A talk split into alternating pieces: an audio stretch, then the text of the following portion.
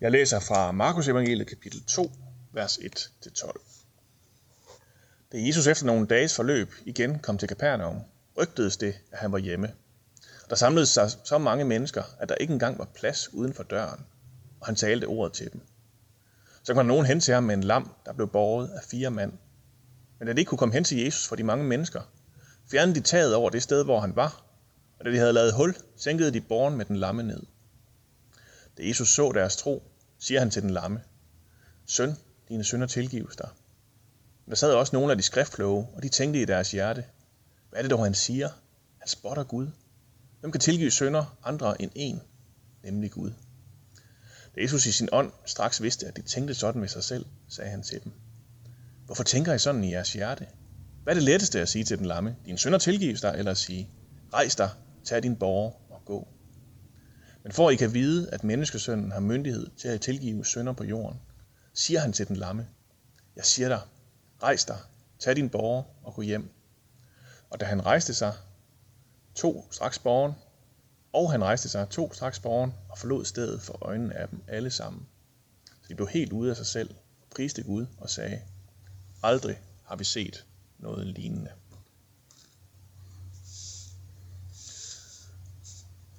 Jeg synes, der er så meget dejlig anarki i den her tekst. Det er sådan lige lidt casual herværk og en god omgang blasfemi, og så er vi ligesom i gang, ikke også? Jesus han er kommet hjem på hjemmeegnen, og nu skal han lige over og se, hvad det er. Nu skal, nu skal folk lige over og se, hvad det er, naboens knægt render rundt og laver, så der sådan ligesom bliver, der bliver faktisk skrift om pladserne nu. Og et par venner, der har taget chancen og slæbt deres lamme ven med, de må lige smadre en anden mands tag for at få ham med derhen, hvor det sker. Og så der det for alvor går galt, og den 30-årige knægt han udøver blasfemi af værste skuffe og siger, Søn, dine sønder tilgives dig. Og så står Jesus der som øh, modsat de sidste søndages beretninger, hvor det lige var kærlighed og retfærdighed, Jesus han var ved at udfordre, så stod folk klar med fakler og højtyve med det samme. Jamen så i den her beretning, så er vi så relativt tidligt i Jesu karriere, at de folk, som, som er her, de prøver ligesom at bevare den gode stemning, og lige for en sjældent gang skyld, lad tvivlen komme ham til gode. Den er Jesus bare ikke med på.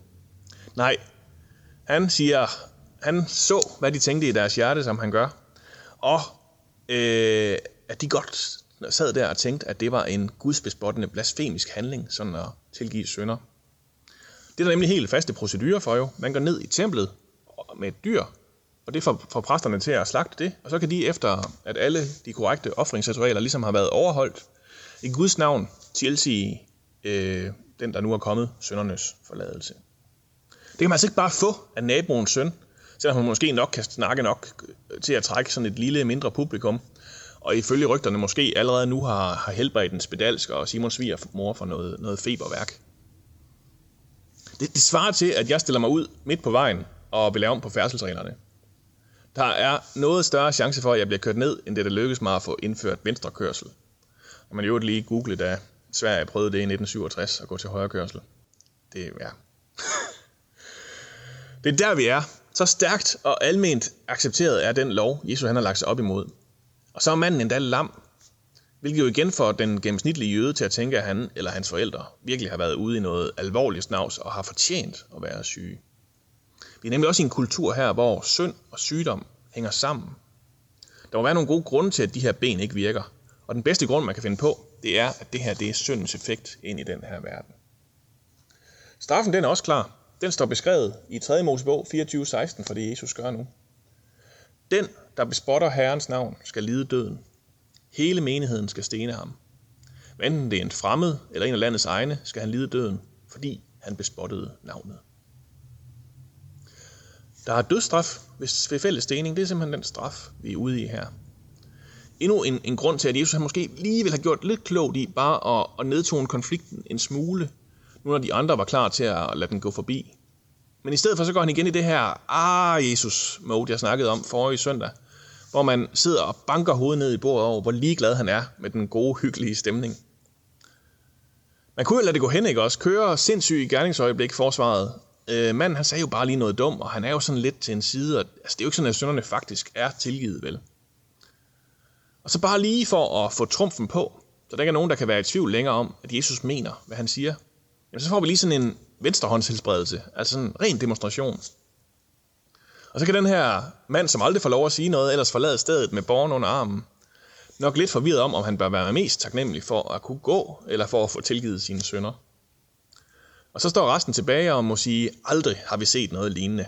I en grad, så man glemmer alt om den der stening, man ellers var ved at tage sig sammen til, og bare må anerkende, at naboens knægt, han kan altså et eller andet. Det er altså den Jesus, vi møder i dag. Naboens knægt, der har stillet sig ind for at tale, bliver afbrudt af en mand, der kommer ned gennem taget for at begå det vildeste blasfemi og tilgive hans sønder. Næsten slipper sted med det, men så tager konfrontationen direkte med dem, der holder øje med reglerne, øh, ved også lige at helbrede. Bare fordi han kan. Så der er ikke nogen, der kan være i tvivl længere om, at ham her, han er altså den, han siger, han er. Han faktisk, kan faktisk gøre det, han taler om. Der er jo så mange ting at tage fat i her, så mange prædikner, man kunne holde. Det er jo præstens evige dilemma. Der er vennernes stærke tro og gode hjerte. Og det er, det, det er dem og det, de gør, Jesus ser. Og det er det, der flytter Jesus. Der er dilemmaet om, om helbredelse. Hvad er det, der gør, at den her mand egentlig bliver rask? Troede han nok? Hvad var det, der var på spil? Men jeg tænker, det der egentlig er allermest i centrum i den her tekst, det er spørgsmålet om tilgivelse. Hvordan kan vi vide, at det faktisk virker? At der er tilgivelse at få for alt det lort, vi render og laver. Man kan selvfølgelig sige, at det er lidt et, et gammelt problem. Der kan vel ikke er nogen mennesker, der går rundt længere og tror, at man bare bliver lam af at synde. Øh, at der er nogen, der går og er bange for, at Gud er vred på dem. Og altså, tak Gud for hvert menneske, hvor det er rigtigt. Men så kan det også være, at de fleste af os alligevel oplever, at der er noget, der ikke rigtig vil give slip. Sådan lige en sjældent gang imellem, når man får pulsen ned, og endelig har tid til at reflektere over sit liv. Så er der måske noget, man fik sagt eller gjort. Måske ikke engang så klar, at man kan sætte ord på, hvad det lige var. Men der var noget, der ikke var rigtigt. Og alt det går vi og slipper rundt på som sådan en sort, tung sky over vores hoveder. Som vi simpelthen ikke kan finde ud af at give slip på, selvom vi hader den. Prøv nogle gange at lade som om den ikke er der mere. Prøv at løbe så hurtigt, at skyggen aldrig helt kan nå og catche op. Men så stopper man alligevel lige op for at få pusten på et tidspunkt. Og så er den der stadigvæk. Måske går vi egentlig rundt med sådan en art ubevidst karma de fleste af os. What goes around, comes around. Regner med, at vi grundlæggende får, som vi har fortjent.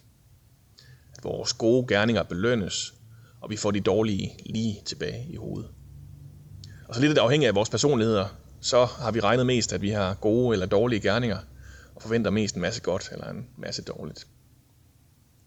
Der er jo intet, der tyder på, at det er sådan, livet fungerer overhovedet. Det, øh, det fungerer snarere på alle mulige krotiske måder. Det meste af det, det er dybt tilfældigt. Uretfærdigt, meget af det. Men logikken vil ligesom passe bedre, hvis der var en eller anden sammenhæng mellem min opførsel og hvad der mødte mig. Jeg vil næsten hellere, at der kom en eller anden straf, når jeg faktisk har fortjent det, end at der ingenting sker. Det, det, det giver bedre mening på en eller anden måde. Og det siger jeg jo ellers som sådan et, et nogenlunde oplyst og nogenlunde fornuftigt menneske, selvfølgelig ikke tror, at det er sådan, det er. Det viser sig bare, at jeg alligevel ret tit gør det, når det kommer til stykket. Lige meget hvor oplyste og kloge vi er, så er det som om, at der er noget, der forfører, følger os alligevel. En, en skyld og en skam, som bare ikke helt vil slippe. Vi skal se eller høre et filmklip nu her, og det er måske lidt fra en anden side. Men jeg synes, det er så fantastisk beskrevet i det her klip fra den svenske filmatisering af den tidligere svenske biskop Bo Gjerts roman Stengrunden. Øh, og her møder vi en ung præst i 1800-tallet, som netop er begyndt at virke i et lille hjørne af Sverige. Og nu er han så øh, blevet kaldt ud til et dødsleje. Her ligger gamle Johannes og har en voldsom søndenød. Han er så ræd for at dø, og han er ved at tage alle omkring ham med i faldet, fordi den her desperation og smerte, den bare ligger så tykt i rummet. Så nu er præsten altså blevet kaldt på. Øh, og det, det foregår på svensk. Øh, men vi, vi, vi vi lytter bare lige, lige lidt til, hvordan det går. Og det er egentlig ikke fordi, at vi skal til at øve svensk, men, men jeg tror godt, man kan sådan fange noget stemning alligevel, også øh, selvom man er lidt øh, ikke, ikke forstår alt, hvad der bliver sagt. Johannes ser länsman går i skogen, hittar skräddarens brännvinspanna. tar honom till tinget. Domaren sätter skräddaren i fängelse. Det gör gott i Johannes onda hjärta. Johannes är hård, säger de, fast Gud har varit så god emot honom. Därför ska Johannes döden dö. Du som har ett rent hjärta får gå upp på mitt heliga berg. Men aldrig, aldrig. Tig, Johannes, tig!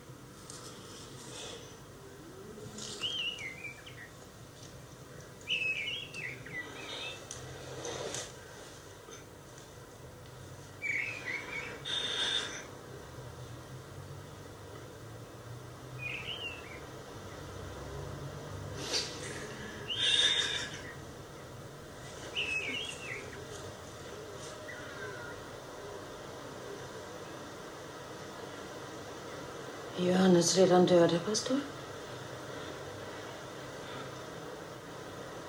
Jag är Katrina Philips i Härsmålen. De har bett att jag skulle komma därför att det är så svårt. Vi har varit grannar förr. Men eh, nu är han väl redan hemma. Johannes lever. Men det är illa med honom. Mycket illa.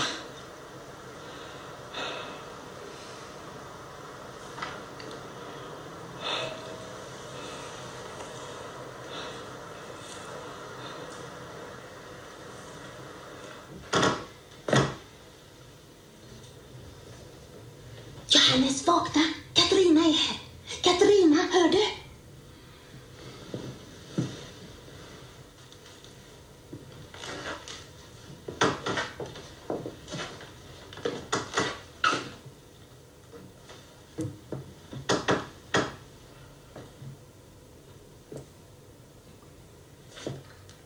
Katarina, det var snällt av dig. Du är god, Katarina. Gud ska belöna dig. Och mig ska han straffa. Katarina, varför är det inte som förr? Minns du när vi sjöng Mose och Lampsens visor? Då var mitt hjärta glatt i Gud. Men det blev aldrig rent. Jag är en syndare, Katarina. En stor syndare.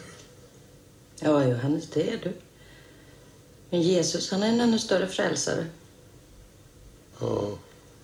Han är en stor frälsare för dem som låter sig frälsas. Ja, men jag, mitt hjärta är inte rent. Jag har inte det nya sinnet. De friska behöver ingen läkare, utan de sjuka. Ja.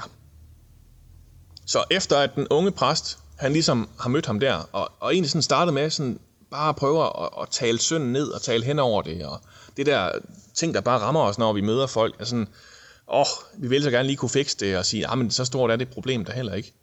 Øhm, så den har han ligesom prøvet at sige, nej, Johannes, du er da ikke værre end alle mulige andre. Øhm, og det har bare ikke virket, fordi Johannes han har bare oplevet det, som om han ikke har taget problemet seriøst. Fordi selvom der nok også er mere at sige om, om gamle Johannes' tilstand, og lidt mere tid hos psykologen nok også havde været sundt for ham, så står han stadig tilbage med det her grundproblem. Hvad gør han med alt det i hans liv, der er ondt? Katrines svar er, da hun kommer, den gamle, gamle kone her, som lige pludselig dukker op øh, og møder præsten først ude på marken, er, ja, du er en stor sønder, Johannes, men Jesus er en endnu større frelser. Og så får han ellers så mange ord om, hvordan Jesus tager synden så alvorligt, at han dør for den. At Johannes til sidst kan tro det og dø med fred i sindet. Tilbage i dagens tekst, så, så nøjes Jesus med at, at helbrede manden for at bevise, at han kan tilgive synden. Bare sådan lige lidt, lidt casual tryl. Som om, at det, kunne, det at kunne gå, det er sådan det mindst vigtige af det hele. At det ser sådan meget godt ud på CV'et eller et eller andet. Og med livet som indsats, og med al sandsynlighed for at blive stenet som Guds bespotter, så står Jesus der og tilgiver. Totalt ud af det blå. Mens alle omkring ham regner med, at det, der skal ske, er alt andet end lige præcis det. Martin Luther han kalder det det salige bytte og siger sådan her i en af hans tekster. Dette er den guddommelige nåde styrebare skat, den underfulde ombytning. Vores sønder er nu ikke mere vores, men tilhører Kristus, og Kristi retfærdighed, ikke hans, men vores. Det er en så usandsynlig dårlig handel for Kristus. Synd for retfærdighed. Og Jesus må faktisk undvære den for at give den til os, siger Jesus. Alligevel er det det, han vil. Det han gør. Det han giver os. Kun på grund af Guds nåde. Ikke fordi vi havde solgt os selv godt nok, eller det mindste lige formået at vi sådan tilstrækkeligt potentiale for forbedring. Det er fuldstændig ubetinget noget, der er tale om her. Vi kan sådan blive helt bange for konceptet. Når statsministeren taler om, at vi skal er nødt til at, alle er nødt til at bidrage til samfundet, og vi skal ikke bare gå på arbejde for at nyde det, så nikker vi og tænker, ja, selvfølgelig, det er sådan, verden fungerer. Det er sådan, vores standardindstillinger er. Vores opfattelse af, hvad der er retfærdighed. Øh, hvordan vi ellers synes, at vi ved, og alt hvad vi ellers synes, vi ved om, hvordan verden fungerer. Det, det er bare sådan, det fungerer. Der er noget for noget. Der er fortjeneste og belønning. Alt andet, vi ved om, hvordan verden fungerer, det trækker bare i en helt anden retning. Den her radikale noget, det er et fremmed koncept, det er en sindssyg idé. Det er noget, vi ikke selv kunne have fundet på. Og alligevel, så står Jesus der med den lamme mand og insisterer på, at hans nåde og tilgivelse, den også gælder her. Selvom han intet har gjort for at fortjene den. Og i løbet af de næste kapitler i Markus Evangeliet, så står han med, med tolleren og kollaboratøren Levi og beder ham om at følge med sig. Han er ind i alle mulige vanvittige og besatte mennesker, som alle andre var gået langt udenom, og ser dem i øjnene. Ja, når synagogeforstanderen Jairus fra det bedre borgerskab står der og tryller om hans datters liv, så tøver Jesus heller ikke med at gøre hende rask, selvom ham her han normalt intet vil vide af Jesus. Når en kvinde tror, hun bare lige kan snige sig til at røre ved Jesus, uden at han opdager det, så stopper han alligevel tid og rum der og kalder hende for datter. Og det var alt sammen bare lige i de næste få kapitler af Markus evangeliet. Vi kan ikke finde ud af den her måde at leve på. Vi glider hen i en eller anden form for mekanisk karmasystem, hvor livet kan sættes i system, og vi får det, som vi har fortjent. Og igen, præcis hvor slemt det er, det afhænger så lidt af det selvbillede, vi lige render rundt med, som sjældent stemmer særlig godt overens med, hvordan det faktisk er ude i virkeligheden. Vi kan ikke finde ud af det, men Jesus kan. Det er ham, der knuser systemerne og smider en bombe ind i tusinde års seriøs praksis om, hvordan man en god jøde håndterer, når vi har gjort noget galt. Dengang så krævede det et offer i templet. Nogle tusind år senere, så har katolikkerne opfundet skærsilden for at forklare, hvad det er, der sker med os. Og straks får man et system ud af det, hvor man kan betale sig igennem med et par ekstra bønder fra munkene, hvis man gerne lige vil lidt hurtigere ind i himlen. Der ved vi ikke helt, hvad vi skal stille op, hvordan vi lige får skruet det her system ordentligt sammen. Men der er stadig et eller andet, vi slæber rundt på, som vi simpelthen ikke kan komme af med selv. Jesus springer det hele i luften, og gør lige lidt mere godt, bare lige for at vise, at han faktisk kan tilgive. Så nu har vi altså slæbt os ind i kirken her i dag, måske er blevet slæbt herhen af nogle andre, jamen så får vi lov at høre Jesu ord over os også. I nadvånden om lidt blandt andet, øh, så, så bliver det sagt til os, at den her sorte sky, den kan vi godt give slip på. Vi kan ikke holde til at bære den. Men det kan Jesus. Det er heller ikke nemt at give slip på den, fordi man ved jo ikke, hvad der så sker. Hvad der kommer i stedet. Men Jesus han står der bare stadigvæk alligevel og vil tilgive og helbrede mig. Jesus han spørger, hvad der er lettest at sige. At tilgive synder eller at helbrede? Så den anden del er noget nemmere for resten at konstatere end den første. Men det er på ingen måde let for Jesus. Det koster stadig. Det koster ham hans liv. Det var den demonstration, der endte med at blive nødvendig, for at vi helt kunne tro det. Som Luther han sagde det igen. Dette er den guddommelige nådes dyrebare skat. Den underfulde ombytning. Vores sønder er nu ikke mere vores, men tilhører Kristus. Og Kristi retfærdighed, ikke hans, men vores. Vores sønder er nu ikke mere vores. Aldrig har vi set noget lignende. Vi kan ikke forholde os til, at verden fungerer sådan. Men det er sandt.